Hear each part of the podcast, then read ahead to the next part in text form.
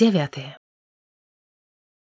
яны не здолелі прайсці таемна адкрылі сябе ззаду застаўся светка. І непакой з новую сілы агарнуў хлопца.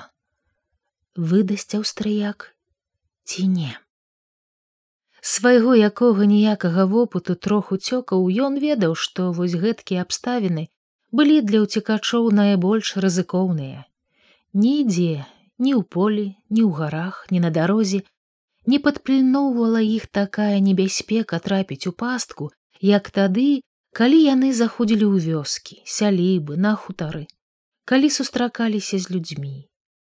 Так здаралася, што выдавалі нават і недаверлівых, нават і асцярожныя нарываліся на засады. Так часта канчаліся вельмі цяжкія шляхі на волю, і пачыналіся другія яшчэ больш пакутныя назад. На захад у палон. Але і зусім мінаваць людзей было немагчыма.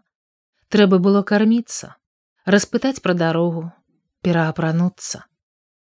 Гарантый ад здрады ніколі не было. І ўцікачы часта спадзяваліся на шчаслівы выпадак на людскасць. Часта так і абыходзілася але не заўсёды. Год назад ён таксама спадзяваўся на тое, што ўсё як-небудзь абыдзецца, як абыходзілася ўжо 32 дні. Чацвёры іх даволі ўдала міналі засады, пераплывалі рэкі, абыходзілі вёскі, пазбягалі сустрэч з паліцаямі, два разы ўцякалі ад пагоні.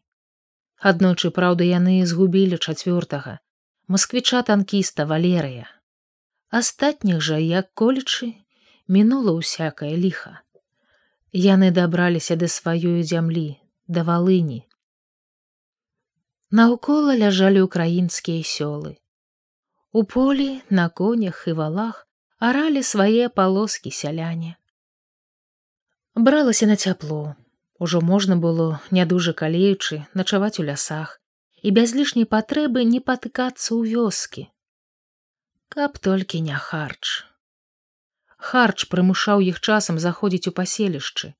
І ў тое ранне, пакінуўшы сяброў на ўзлеску, у сяло пайшоў Іван. Напярэдадні хадзілі іншыя. Цяпер падступіла яго чарга. Ён крышку прапазніўся выйсці з лесу, праз які па кручастай дарожкай яны ішлі ноч. Трэба было дняваць, і дужа не хацелася зашывацца, дзе на пусты жывот, Добра угледзеўшыся ў сяльцо з узлеску, ён нічога падазронага ў ім не заўважыў. Вялікай дарогі паблізу здавалася не было, і ён цераз балацявіну, трымаючыся бліжэй да кустоў, рушыў да крайняе хаты. У яго быў пад палой нямецкі аўтамат з дванаццацю патронамі ў магазине, здабыты на дарозе пад кракавам, армейскія боты на нагах і на плячах нейкая несамавітая сялянская світка. З выгляду ён нагадваў звычайнага селяніна, такога, як і ўсе тут, і без перашкод дайшоў да гародаў, потым па бакавой дарожцы ад гумна, што вяла між плятнёў скіраваў да бліжняе хаты. Але хата стаяла па той бок вуліцы. Ён азірнуўся. Паблізу нікога не было, толькі дзесьці ў двары рыпнулі дзверы і замычала карова. Мусіць, гаспадыня ішла даіць. Але не паспеў ён пераскочыць аблеглы з ночы, пакроплены расой пыл на дарозе, як з суседняга двара хтось выйшаў на вуліцу. Іван не азірнуўся, аднак, здаецца, па тыліцы адчуў, што той заўважыў яго. Хлопец утуліў голаў і таропка шыбануў падворак. Толькі ўжо хаваючыся за вугал дома азірнуўся. Чалавека таго не ўбачыў, затое згледзеў у двары цераз вуліцу вялізны брызентавы кузаў машыны. Гэта было куды як няўдала. Тым болей, што з двара ўжо крыкнулі, не то загадвалі нешта яму, не то перасцерагалі каго другога, Дзецца Івану не было куды. За хатай пачынаўся шырокі забаранаваны гарод, і ён кінуўся да расчыненых у сенцы дзвярэй. У дзвярах тых якраз паказаўся няголены сярэдні год чалавек. Ён пэўна зразумеў усё без слоў, бо пабялеў крыху, зірнуў на іванаў аўтамат, што тырчаў з-пад палы і адступіў да шула, даючы дарогу ў хату. Іван таксама без слоў ускочыў у чысценькія прыбранай сенцы з працярушанай аерам падлогай, зыркнуў сюды туды вачыма шукаючы якога сховішча. І не знайшоўшы нічога прыдатнага праз расчыненыя дзверы кінуўся ў другі пакой дзе была печ. Ён згледзеў ёй чорную дзірку пад печча прыпаў на калені коротко азірнуўся на акно под якім на лаўках у покуце з-пад паласатая саматканая коўдры высоўваліся тры пары дзіцячых ног. Кепскае прачуванне разанула яго. Не не туды трапіў. Але перайначваць намер не было калі. На двары затупалі боты. І ён задам таропка сунуўся ў смярдзючую вузкую дзірку пад печча зараз жа прытуліўся к боку за выступ прыціснуўся сцяўся у сенцу ўжо ўваходзілі людзі. Толькі ён справіўся зацяць дыханне як адразу данесліся галасы. То былі немцы. Двое ці болей. Гаспадар не разумеў іх або можа не хацеў разумець. Іван жа ўсё чуў і перакладчыка яму не трэба было. Вэрыст верляфт хто такі? Хто бег крычаў адзін немец. Індызем аугенблік і габе гезен толькі што я бачыў гаварыў другі.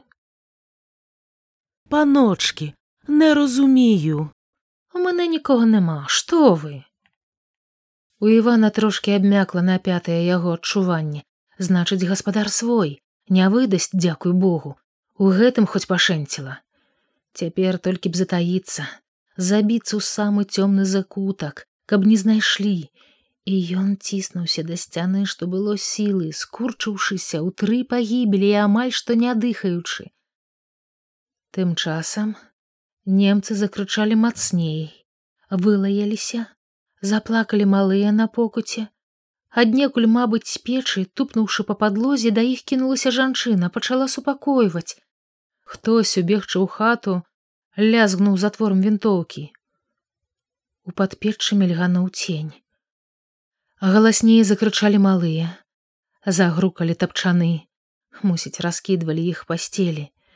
Іван чакаў трымаючую руку на рукаяцца аўтамата, хоць не ведаў, як тут было страляць. Немцы грукалі ботамі, пэўна зазірнулі на печ, бразнули засланкай, і тут жа прамень ліхтарака мільгануў па задняй сценцы пад печча. Іван аж прыжмурыўся, чакаючы крыку яраўскрыхен. Але праменчык быў слабаваты, мусіць, разрадзілася батарэйка. Немцы нічога не ўбачылі і боты загрукалі далей. Неўзабаве крокі прыціхлі. Напэўна, шукалі ў сенцах. Тады ён усё яшчэ не варушачыся, выдыхнуў і зноў паціху ўздыхнуў. А задачаны надзеяй, няўжо ўратаваўся. І сапраўды, крокі зусім сціхлі, адно толькі хліпалі ля печы дзеці і маці тупаючы босымі пятамі, кідалася відаць да акон нямецкая гамонка чулася ўжо з падворка там штосьці гаварыў гаспадар напэўна выправаджваючы іх далей ад хаты і сапраўды неўзабаве ўсё сціхла. Гаспадар мусіць увайшоў у сенцы да яго падалася жонка. Яна нешта хутка хутка гаманіла бядуючы і ледзьве не плачучы. Гаспадар злосна кінуў ёй. Годзе змоўкні яна змоўкла. Вярнулася ў хату і засакатала да дзяцей. Іван падумаў быў, ці не пара вылазіць, каб перахавацца куды ў надзейнае месца, як гаспадыня з жахам у голасе крыкнула: « Петро, Петро, ой лышенько, грыць ідэ. Іван зноў сцяўся. Гаспадар знік недзе, З хвіліны яго не было чуваць, затым у двары пачулася лагодна з'едлівае: Добры дзень, гэр Петра. Гаспадар стрыман адказаў на прывітанне. Там нешта ляснула, быццам бізуном па халяве. І той жа голас неяк дужа будзённа, нібы гаворка ішла пра сабаку або кацяне сказаў: « Каго хуваеш, ано підаць яго сюдой. Нікога я не хуваю, кум грыць. Перахрыстыцеся, Чого ви? Ага, нікога. Що ж, провіримо. Ганна. крикнув Грить. Я тут кум, озвалася з дверей напалоханая гаспадиня. Кого Петра хуває? Признувайся. Ой, хіба ж я ведаю? Никого ж він не ховає, кум Грить. Не ховає. Ану, Настусю, скажи, де татка ховає бандита? Не відаю, адказаў боязны дзіцячы голас. Не відаєте, побачимо. Шмат абяцаючым спакоем вымавіў грыць. У Іванаў падпечы ад злосці да гэтага вылюдка аж анямелі пашчэнкі.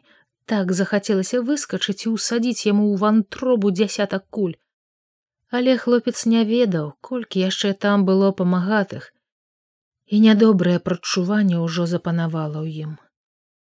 Ён зразумеў, што гэты не немец, сваю справу ён ведае, як мае быць. Глух! Несі солому.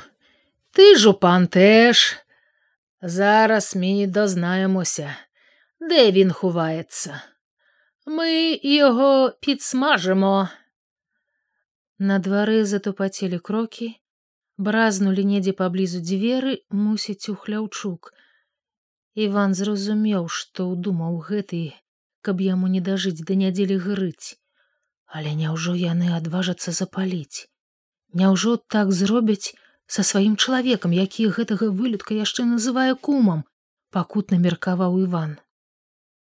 Тым часам ля акон нешта шаснула, зацямніла святло ў падпечы. Мусіць, паклалі салому, адзначыў сабе Іван. Пасля ўсё прыціхла, ні крокаў, ні гоману. І раптам закрычала жанчына. Ды так роспачна і здзічэла, што можна было падумаць, нібы палец яе самую, а не хату. За ёю загаласілі ўсе дзеці.